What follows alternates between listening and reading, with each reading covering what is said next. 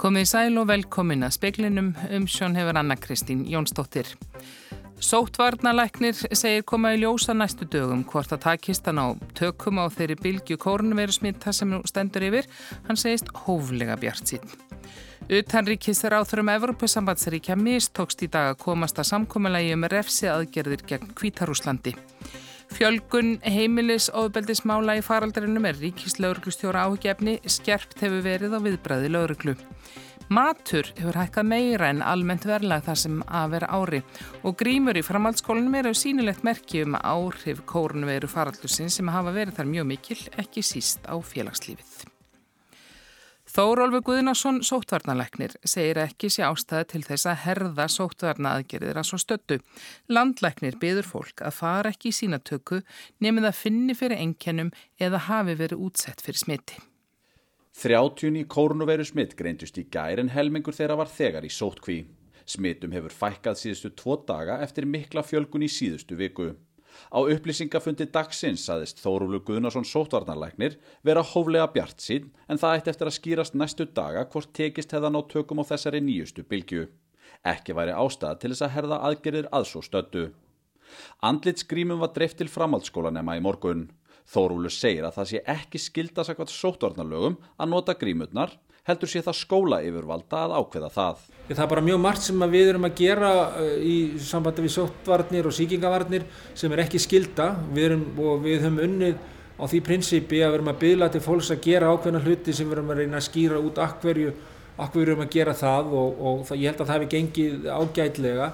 Þannig að uh, það er á þeim grunni sem við höfum ekki farið út í það að setja grímur inn í skildu nema gríma er skilda fyrir fólk sem vinnur í þannig rekstri að það er í mikillir nánd eins og í heilbreyðstjónustu eða hárgreifslustofum eða nutti eða Uh, og eins í almenningssamgöngum uh, þar sem að fólk þarf að vera lengur en 30 mínútur, þar er gríma skilda.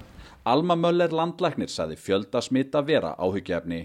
Hún talaði jafnframt um mikið álag á heilsugjastlun á höfuborgarsvæðinu og byðlaði til fólk sem að óska ekki eftir sínatöku nema það væri með enginni eða hefði raukstutan grunum að hafa verið útsett fyrir smiti. Þá segir Alma það vissulega slæmt að 14 starfsmenn landsbítalans séu smitaðir og að 150 starfsmenn séu í sótkví. Jú, þetta er alltaf ágjöfni þegar fólk er smitað og, og þegar er sótkví inn á spítalanum en Mér er sagt að uh, það gangi vel starfseminn og hefur ekki þurft að skera hana niður enn og auðvitað er þar í gangi öflug smeitrakning. Saði Alma Möller, Jóhann Bjarni Kolbeinsson tók saman. Danmörk og Ísland eru sér á báti á Norðurlundunum þegar kemur að nýgengi smitta á hverja 100.000 íbúa síðustu tvær vikur. Í Danmörku er þessi tala 74,1, á Íslandi 57,4, annar staðar á Norðurlundum er talan undir 30. Bresk blöð telja yfirgnefndi líkur á því að Ísland verið tekið af lista breskra yfirvalda yfir örg svæði sem þýðir þá tveggja vekna sótt kvífi komið til Breitlands. Áfram greinist eins og kallega grænaveira sem tengist hópsíkingu á Vesturlandi og Hotel Rangá en í mun minna mæli. Með nýgingi smitta er átt við hversu mörg smitt hafa greinst í hverju landi undarfarnar tvær vikur á hverja 100.000 íbúa. Nánar er fjallan um þetta á rúf.is. Utanríkis ráþærar Evrópusambandsríkja komist ekki að samkómalegi um að beita Kvítarúsland refsiðagerðum vegna stjórnmála kreppunar þær í landi.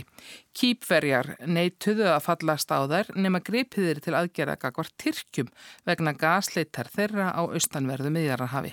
Svetlana Títanovskaði leiðtói stjórnarandstöðunar í Kvítarúslandi rætti í morgun við Jósepe Borrell, utanríkismálastjóra ESB og utanríkisráþara aðildaríkjana um pólitíst ástand í landinu í kjölfar umdeildra fórsetakostninga í síðasta mánuði. Fyrir ráþeirafundinum lág að samþykja aðgerðir gegn tugum hvít rúsneskra embættismanna sem hafa gengið harðast fram gegn stjórnaranstæðingum en þeir síðan nefndu Saka Alexander Lukashenko fórsetta um að hafa tryggt sér embættið með kostningasvikum. Nikos Kristódúetes, utanrikis ráþæra kýpur, neytaði hins vegar að fallast á aðgerðirinnar nema Tyrkjum því einni refsað fyrir leit þeirra að gasi á umdeldu hafsvæði á miðjarðarhafi. Á það var ekki fallist. Ímsir ráþærar kunna kýpverjum litlar þakkir fyrir þetta þegar á meðal er Jeppe Kúfóð utan ríkis ráþæra Danmerkur. Hann sagði í viðtalið við danska fjölmiðla að vissulega mætti finna margt að framferði Tyrkja en það gengi ekki að taka málefni Kvítarúslands í gíslingu með því að blanda þessum tveimur óskildumálum saman. Ásker Tómasson sagði frá. Réttari höldi yfir Gunnari Jóhanni Gunnarsinni halda áfram í hérastómi austurfinnmerkur í Vatsu á morgun. Hann neytar að hafa myrt hálbróður sinn Gísla Þór Þóransson í norska smábænum Meham í fyrra. Þetta kom fram á fyrsta degi réttarhalda í morgun. Gunnar Jóhann og basmóðir hann sem var unnust að Gísla Þórs þegar hann lést gáfu skýrslu fyrir dómi í dag. Björn Andri Gúlstad, verjandi Gunnars, segir að Gunnar hafi ekki ætlað að skjóta hálbróðu sinn. Skot hafi hlaupið úr bissunni þegar bræðunni tókust á um vopnið. Det er fordi at han er helt klar på at han aldri har trykt på avtrekkeren, slik som det hevdes i tiltalen, og fordi at han er klar på at det var avdøde sitt anfall mot våpenet som utløste skuddet. Skot hæfði Gísla Þóri lærið og honum blætti út. Aðspurður hvort ekki að vera ásetningur að baki, fyrst Gunnar Jóhann Hót hæði bróður sínum lífilátti fyrir árásana, segi Gúlstad að ekki megi blanda ákjæru efnum saman. Gunnar hafi ekki meint morðhótunna bókstaflega.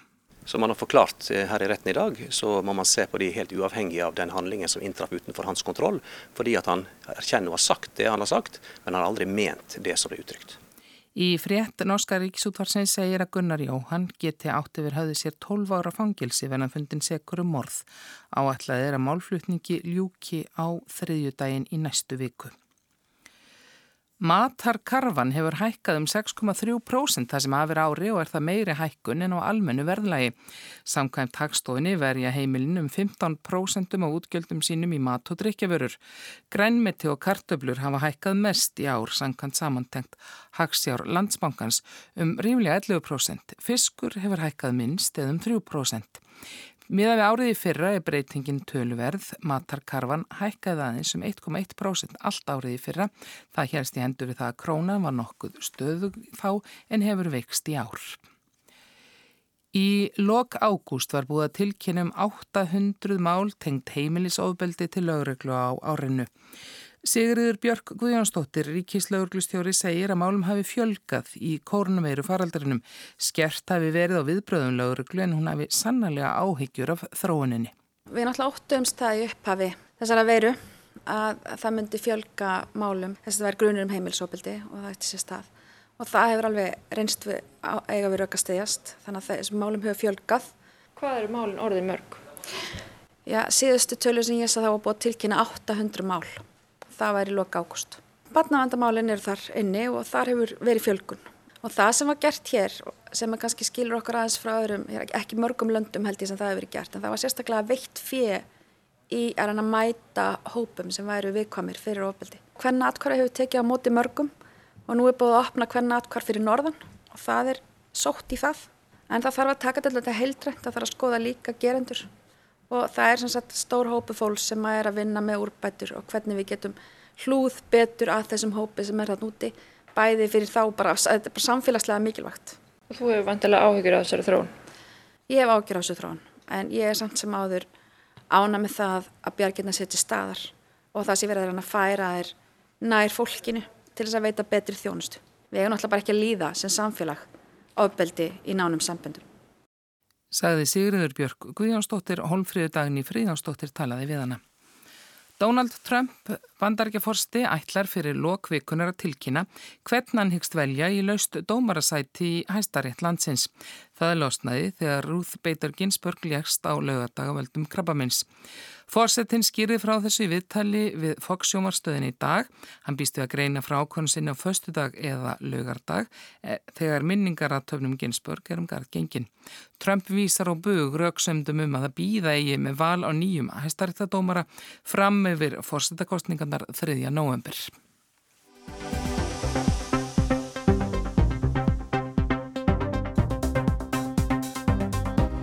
Það var heldur rólegt í kringum mentaskólan við Hamranlíð fyrirpartir í dag. Þessa vikuna mæta nefnendur eftirhádegi í þá tíma sem þeir sækja þangað eru heima í tölfunni á modnana. Allt skólastarf hefur auðvitað verið með öðrum brag en vantir frá því vetur en frá með deginum í dag þurfa allir, bæði nefnendur og starfsfólk að setja upp grímur í skólanum og ekki vita hver lengi sá háttur verður hafiður á. Sóttvarninnar hafa haft mikil áhrif á skólastarfið og líka félagsstarfið sem hefur orðið fyrir barðin á veirunni þó að ímissa leiða hafi verið leitað. Steinn Jóhansson rektor sér að vissilega séu aðstæðuna skrítnar menn reynir bara að bregðast við og gera áallanir til nokkura vikna í senn og í dag þá réttu starfsmenn öllum nefndum grímu við ingangin. Þetta er svona breytur veruleiki að, að sjá ekki andlitin á nefndum þegar þau komið í skólan en við lögðum miklu áherslu á það að, að undirbúa okkur vel Sóttvarnir eru í, í, í fínu lagi hérna, við skiptum skólanum í nokkur sóttvarnarhól til að tryggja ekki ómikinn samgang milli, milli hólfa og við trúum því og treystum að nefndum minna sjálfsögur fylgja þessum reglum þegar þau komið í hús. Bóas Valdórsson, sálfræðingu við MH, tekur undir það að grímurnar gera ástandið og sóttvarninnar mjög sínilegar. Nefnendur séu meðvitaður um að gera það sem þarf til að komast í skólan. Við vorum auðvitað hér á síðustöðun með samkomiðbann og, og lokaða framhalskóla eða skólabyggingarna voru lokaður og það, það þengdi aldeilis að nefndum og samskiptum þeirra og, og, og öllu þessu félagslega.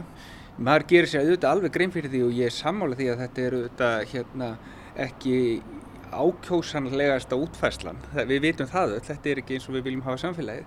En nefndur eru samt ofbáslega, eða það er okkar upplifun. Erum við búin að tala til dæmis við alla nýnema hér í skólanum og maður er búin að ræða við mikið að nefndum hér á öllum eh, árum skólans. Þau eru samt takklátt fyrir það að koma inn fyrir þröskuldin, hitta hvort annað þó að sé með takkmörku móti. Sko auðvitað er skólahaldið, það er eitt og, og kennslan og námið en, en svo stór og ríkur þáttur af lífi framhaldsskólanema er félagslífið. Og það hefur auðvitað verið í ennþá meira úr, úr skorðum heldur en námið sjálf. Já, það má kannski segja að félagslífið hafi farið í rafrænt umhverfi, við erum með mjög öflugt nefndafélag hér í MH og ég veit að, að það eru mörg ráðstarfandi og klúpar og það, allar kynningar og þessum ráðum fóru fram að rafrænt, það var svo sem ágættist áttaka og það er líka gaman að segja frá því við vorum með fórkeppni fyrir getur betur hér um, um daginn og það var mjög góð þáttakið því þannig að nefnundur stökk og allt sem er í bóði en auðvitað hafingir viðburðir verið í húsi. Nú við vitum að sjálfsögða að nefnundur er að hýttast utan skólans, eh, hversu mikið er félagslið, við vitum ekkert um það. Maður finnur auðvitað til með þessu nefnundum sem að skipta algjörlum umhverju, koma nýjir inn í skólan og er að fara að eignast vini en hafi ekki haft tækifæri til þess af því að það er engin vettvangur. Þau með ekki sapna saman inn í skólanu, þau með ekki fara á þessa samkomustadi, matsalan er lokuð, norðukjallarinn er lokaður, þannig að þetta er, þetta er mjög eh, skrítið umhverju fyrir krakkan og þau hafðu náttúrulega mikla vendingar þegar þau komið hérna í haust að kynast nýjum félögum, mynda vina, tengsl, en eh, svo er allt aðra fórsendur í skólastarfinu. Framhaldsskólanemundur eru þetta vanir samskiptum á netinu, enga síður skiptir nánd og bein samskipti þá máli eins og alla aðra. Nemundur bara sjálfur töluðu auðvitað um það. Mér, mér finnst ótrúlega fallegt að maður var búin að vera hérna í undarferðin ára að ræða alls konar mætingareglur og hvað skólinn er strángur að nemundur þurfa að mæta og svo leið og svo um leið á samkomiðbann í vor þá var alveg um leið hérna ég vil mæta, ég vil mæta, hvenna má ég mæta? Þau, þau auðvitað söknuði þess auðvitað hérna um leið að, að fá ekki að koma og hitta hvort annað.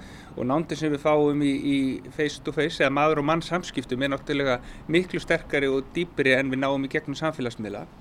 En það er líka þetta sem við náum ekki eins mikið með samfélagsmiðlum og, og samskiptartekni það er þessi óformlegu samskipt þessi hitt, random hittingar þegar við hittum nefndur sem vini eða kunningja eða kynnumsnýjum fólki á förðunum vegi ófyrir sjáanlegar aðstæður, maður bara uh, tala við eitthvað sem er í byðröðinni eða eitthvað sem er með mann í skóla eða tekur eitthvað strætó með eitthvaðum eða eitthvað slíkt.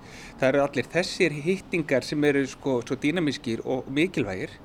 Um, ungt fólk, ég vil samt líka hafa það upp á borðinu því við höfum oft svo miklar áhyggjur ungu fólki og hvernig ungt fólk líður og það er mikilvægt að áarpa það og, og hugsa og reyna að koma móts ungt fólk en ungt fólk er líka óbáslega úrræðagóð og, og uh, lausnamiðað og með mikla aðlugunarferðni og við sjáum það að, hérna, að nefnendur í, í, hérna, í, hérna, í skólanum eins og í MH voru ofbóslega duglegar að tilengja sér nýja kennsluhætti, uh, fylgja nýri dasgrá, sig, fara, fara í þessi, þessi verkefni.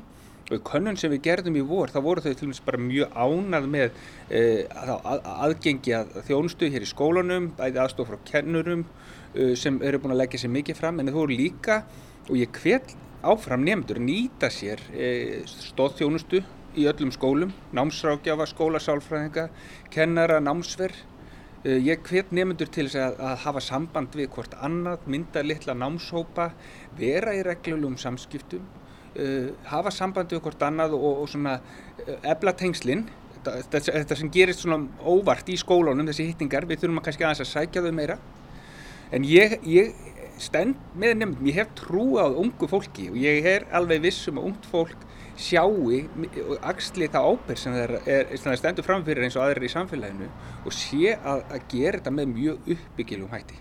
En nú eru náttúrulega allt svona mjög stíft og það er grímuskyldan og það er hólfun í skólanum og svo leiðis en eins og segir, þið viti kannski heldur ekkit alveg hvernig eru krakkar bara, þeirist ykkur þau séu mest bara að halda sig heima, þar fyrir utan? Nei, mér finnst ekki, ég, það er ekki mín tilfinning.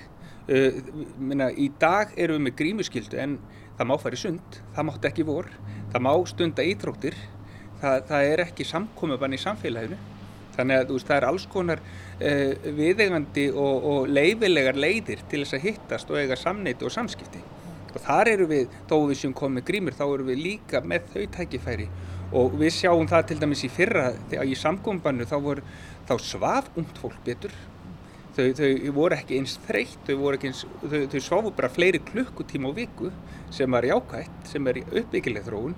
Þau hreyfðu sér mikið Þau, hérna, þau sáttu ekki aðgerðalus heima, heima inn á eldursporði eh, fyrir fram bækurnar eða tölvskjáin.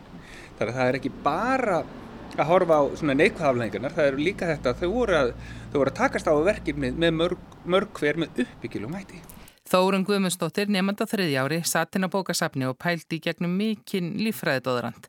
Hún hefur ekki farið varhlut af áhrifunum og skólastarfið. Kanski leðilegt að enda árið sitt, svona síðasta árið maður kannski hefur það út að maður er búin að vera í skólanum lengi að þá kannski kann maður aðeins betur á skólakjörfi heldur en þeir sem eru að byrja í skólanum þannig að þetta er svona kannski viðræðanlegt en það er mjög mikið sem þarf að gera og er erfitt líka að klára það sem maður myndi vanlega að klára í skólanum heima út að hugurinn leita svo á marga staði. Þess vegna er ég stett núna á bókasafninu í skólanum til að reyna að ná, að, ná upp lærdómi og alls konar. Mm. það er akkurat það, þú veist, núna er einsmyndarreglan inn í skólastofunum. Það er ekkert eins og maður sé eitthvað að vingast við fólk eða tala þannig að maður kemur líka bara í skólan til að læra. Það er mjög, ekki mjög mikið félagslíf mm. eða svona þannig séð. Skólaböllin er nú svona það sem að það er, það er vörður sem að kannski skipta marga hvað mestu máli. Mm. ára sem maður er í framhaldsskóla. Já, ég myndi segja það. Það er mjög stór partur af því. Og líka bara svona Veist, það er eitthvað sem maður nota til að fagna bara lífinu fyrir utan skólan með þeim sem maður er með í skólanum. Líka bara til að lífka aðeins upp á skóla árið þegar þú ert í svona mikið pressu og alls konar að skemmta sér aðeins en já, núna er það ekki alveg En hafið þið, þetta er náttúrulega allt í svona svolítið förstum skorðum í mm. skólanum hafa krakkar sem haldið upp í svona venjulegum samskiptum fyrir utan skólan? Sko ég personlega er ekki mikið búin að vera að hitta fólk fyrir utanskóla en það er líka út að ég er í dansnámi fyrir utanskólanum og þá er ég eiginlega bara með þeim krökkum. Og það tekur mjög stórn part af deginum hjá mér. Þannig að ég fæ mjög mikið að hitta fólk en samt bara ákveðin hóp fyrir utanskóla en svo gerist það að maður kannski fer og lærir kannski með einhverjum en það er ekki eins og allavega persónulega þá er ég ekki eitthvað að hópa með mjög mikið fyrir utanskóla því að ég held að allir vilja uh, reyna að minga eða svona láta tölunar fara niður sem fyrst og klára þetta að það er hægt. Þetta verður orðin kannski, kannski heilvettur á þínum þreymur sem að verður svona öðru vísi og mikil breyting kannski frá því að byrja þér. Já, mjög mikil breyting. Það var líka annað þú veist að klára áfangana síðasta vor heldur en að byrja áfanga í fjarnámi. Það er líka ákveðin breyting, kannski mun erfiðar að finnst þér og svo les. Sæði Þórun Guðmundsdóttir og líka var rætt við Bóas Valdórsson og Stein Jóhansson.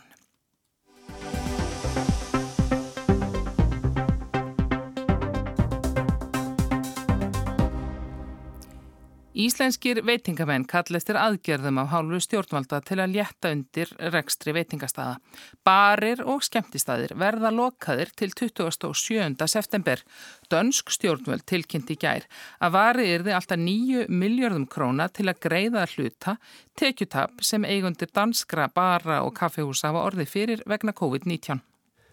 Þetta er eins og að ráðast til allu gegn skóareldu með handslökkvitæki. Þetta er lítill plástur á stort blæðandi sárir viðbröðu Annes Okor veitingamanns í Danmörku við aðgerðum sem danska ríkistjóðin kynnti í gerkvöld. Það er hveð áum eh, að 6,5 til tæplega 9 miljardum íslenskara króna verði varið til að aðstóða veitingastæði, kaffihús og krár og sem hafa farið illa út úr takmörkunum vegna COVID-19. Margir staðir þurft að loka í vetur og vor þegar faraldurinn var í sem hæstum hæðum og nú eru þeim gert að loka klukkan tíu á kvöldin. Um er að ræða samkómla ríkistjórnarinnar í Damörku við nokkura stjórnaranstöðuflokka og aðstofapakkinni gildir til að byrja með til 31. oktober. Aðstóðin felur meðal annars í sér að staði sem á til dæmis orði fyrir 35% tekið samdrætti fá 25% af samdrættinum frá ríkinum. Þar sem samdrátturinn er alltaf 90% nefnur greiðslan frá ríkinu 80%. Þá gefst litlum stöðum kostur á að hreinlega loka og fá greitt um 90% af útgjöldum greitt úr ríkisjóðum. Það má segja að staðan hér á landi sé svipuð og í Danmörku, börum og skemmtustu var gert að loka um tíma í vor, bara eigendur áttu kostu að fá sérstaka lokunarstyrki að uppfylltum ákveðnum skilirðum. Styrkinir voru að hámarki 2,4 miljónir. Fannar Arason, einna eigundum barsins sem Miami við hverfiskutur Reykjavík bendir á að vissulega sé markmiðið að ná tökum á útbreyslu veirunar.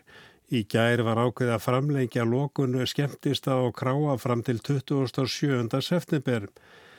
En er ekkert samtal við stjórnvöld um aðgeri til að styðja við veitingamenn sem hafa klárlega orði fyrir fjárhásluðu tjóni vegna skerðinga og lokana? Fann að sér að samskipti við stjórnvöld hafi verið mjög lítil og upplýsingar hafi verið að skortnum skamti. Við hérna myndum helst vilja fá kalla það að við fengjum einhver alvöru leiðbenningar eða einhver skonar áallin um það hvenar við hefum opna, hvernig það verður og með hvaða hætti. Hann segir óvissum stafsmannahald og hvernig framvindan verður vegna COVID. Jón Bjarni Steinsson, einn eigenda Dillóns í Reykjavík, saði í speiklunum í síðustu viku að stjórnveld yrða stíga fram með einhvers konar aðgeri til að rétta við haga veitingamannam. Hann nefndi að hugsalega veri ráð að fella niður áfengiskjöld og fella niður eða hluta fastegnagjöld. Róðurinn væri orðið mjög þungur. En eru veitingamenn með einhverjar fastmótaðar hugmyndur um aðgerðir af hálfu stjórnvalda? Það eðlilegast er ef okkur gert að loka samkvæmt lögum. Við erum, við erum einu, einu rekstraræðilega í landinu, akkurat núna, sem er gert að loka samkvæmt lögum. Eðlilegast væri að sjálfsögða að við fengjum einhvers konar aðstóð frá ríkistjórnunni sem væri þá nummer eitt í formi í rauninni upplýsinga uh, aðgerðir sem ætlaði að ráðast í hvað er, hvað er í rauninni planið fyrir það hvernig þeir ætla aðstóð okkur og hvenar það plan kemur og svo aðstóð kemur Fannar segir að fjölmargir veitingamenni séu við það að skella endalega í lás. Eðlið sé að stjórnveld komi til móts við atvinnugreinna, hvaða launakostnað varði, leikukostnað og rekstartab. Fannar segir mikilvægt að beina aðstofunni að stafsfólki. Allar ríki stjórnuna koma mót okkur með í rauninni launagreislur, uh, skakkreislur, tringjald og önnu launatingjald. Allar þeir, þeir koma mót svo okkur við það. Saði Fannar Arason, Arnar Páll Haugsson talaði við hann.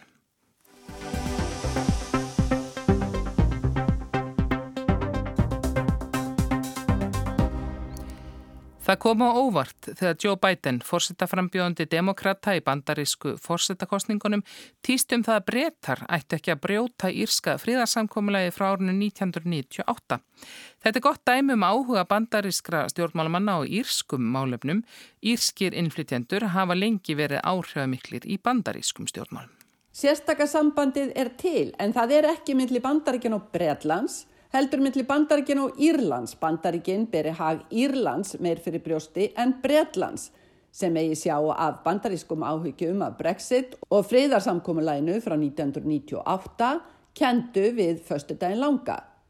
Þetta sjónarmið hefur flóið víða eftir að Joe Biden, frambjöðandi demokrata í bandarísku forstakostningunum, týsti skilabóð til breskustjórnarinnar. Við getum ekki leift að förstudagsins langa samkomiðlæði sem skapaði frið á Norðurírlandi verði fórnalamb Brexit. Viðskiptasamningur Bandaríkjan og Bretlands er háður því að samkomiðlæði sé virt og að landamærin lokist ekki. Punktur. Svarið frá breska fórsættisraðnetinu var að áframirðu unnið með bandarískum samstarfsaðilum til að tryggja þeir skildu bresku afstöðuna. Um leið áminning til Bidens um að hann er enn ekki orðin fórsætti og hans flokkur er ekki flokkurinn sem stendur breska íhjálpsflokknum næst. Tíst Bidens flög samtímis því að Dominic Raab, utaríkisræður að breyta, hefði bröðið sér í heimsókti bandaríkjana. Málið á rætur að rekja til bresks stjórnarfrumvarps um breskan innrimarkað. Frumvarpið mun í framkvæmt fella úr gildi þann hluta útgöngusamningsin sem á að tryggja opinn landamæri Norður Írlands og Írlands ef ekki semst um framtíðarviðskipti breyta og Evrópusambandsins. Frumvarpið sem að sög Brandon Lewis, ráð þeirra norðurískra málefna, brítur alþjóðalög. En eins og Raab útskýrði á bladmannafundi í Washington með Mike Pompeo, uterikisraðra bandaríkjana, ESB hafið snúið málinu upp í politík og það sé eina hótunin við friðarsamkomulæð, segir Raab. I think it's a great opportunity for me to be clear that the threat to the Good Friday Agreement, in the, uh, as it's reflected in the Northern Ireland Protocol, has come from the EU's politicisation of the issue. Raab bætti við að það var ekki hægt að horfa upp á ESB, búa til landamæri um Írlandshaf millir Norður Írlands og Breitlandsæja. Ráðherran nefndi þó ekki að þetta er nákvæmlega sákostur sem Boris Johnson fórsætsráðherra valdi þegar hann samti við ESB um útgöngu í fyrra hafnaði þá leiðinni sem forverans Theresa May vildi fara. Aðspurður sæðist Pompeo treysta brettum sem fyrr og væri samfarður um að þeir fyndu réttu leiðina. Hann hefði undistrykað mikilvægi friðarsamkommulagsins, áttaði sig á að máli væri snúið og vildi reyna að steyðja bretta eftir mætti. Uh, look, yes, we trust the United Kingdom. They'll, I am confident they'll get it right. We've made clear uh, the, our view of the importance of the Good Friday agreements. We know the complexity of the situation. We've done what we can to provide assistance where we can. Allt saman kærkominn skilaboð eftir að framamenn í demokrataflokknum eins og Nancy Pelosi, fórseti neðri deildar bandaríkja þings og aðrir áhrifamikli þingmenn, auk bætens, vörðu breyta við að þeir væri ekki til í viðskiptasamninga, ákaft kapsmál breskustjórnarinnar ef breytar teltu friðarsamkómulæinu í tvísínu. Þennan bandaríska áhuga má rekja til þess að þegar samkómulæðið var gert 1998 áttu bandaríkin aðildaði. Það hafði mikil áhrif á Bill Clinton þá bandaríkja fórsetta að heimsækja Norður Írland 1995. Öldugadeildar þingmaðurinn George Mitchell tók þátt í friðarviðræðunum, liðkaði mjög fyrir samningum og bandaríkja stjórn varðum leið ábyrðamaður samkómulagsins. Áhugi Bidens endur speiklar einnig viðleitni til að ná til bandarískra kjósenda af írskum ættum. Heimaferir hafa menn á köplum evast um að Raab, utaríkisráþara og reyndarreitning Johnson, fórsætsráþara, skilji í raun hvað friðasamkómulegð snýst um. Þegar Raab, þá fyrfirandi Brexit-ráþara, satt fyrir svörum þingnemdar í februari fyrra um málefni Norður Ílands, spurði Silvíja Hermón, þingmaður norðuríska sambandsflokksins, Raab, hvort hann hefði í raun lesið friðarsamningin. Það hafði nefnilega annar ráð þeirra viðurkend að hafi ekki gert það. I haven't sit down and started at the beginning and gone through it, but of course at various points in the negotiations, um, when issues have been raised, it has been an important opportunity to delve in to the different aspects. Raab saðist ekki að hafa sest niður með samningin og lesið en á ýmsum tímaspunktum í viðræðunum við ESB hefðan auðvitað þurft að sökka sér í hinn ýmsu atriðans. Hermón þýfgaðan frekar um þetta, hafðan lesið samningin. Nei, Rapp hafði ekki lesið samningin frá upphafi til enda eins og skáldsögu og hafðan ekki við hendina ef Hermón hefði í hyggju að hlýðunum yfir. Þingmaðurinn álíktaði að nei, Brexit ráð þeirra um þyrfirðandi hefði aldrei lesið samningin sem er þó ekki neinn langloka 35 blaðsíður. Þessi orðaskipti hafi verið rivjuð upp víða hér í Breitlandi undan farna sólarhinga í ákofum umræðum um gildi nýja frumvarsins. Allt saman innleg í harðar deilur líka innan breska íhalsflokksins um frumvarpið og samningaviðræðnar við Evrópusambandið. Sigrún Davísdóttir saði frá. Það verður suðvestan góla eða kaldi og stöku skúrir sunnan til en slittu jélum landi norðanvert. Vaksandi norðaustanátt, norðvestan til sent á morgun með aukinu úrkomu en hitti breytist lítið. Það er ekki fleira í speklinum, tæknimaður var Ragnar Gunnarsson veriði sæl.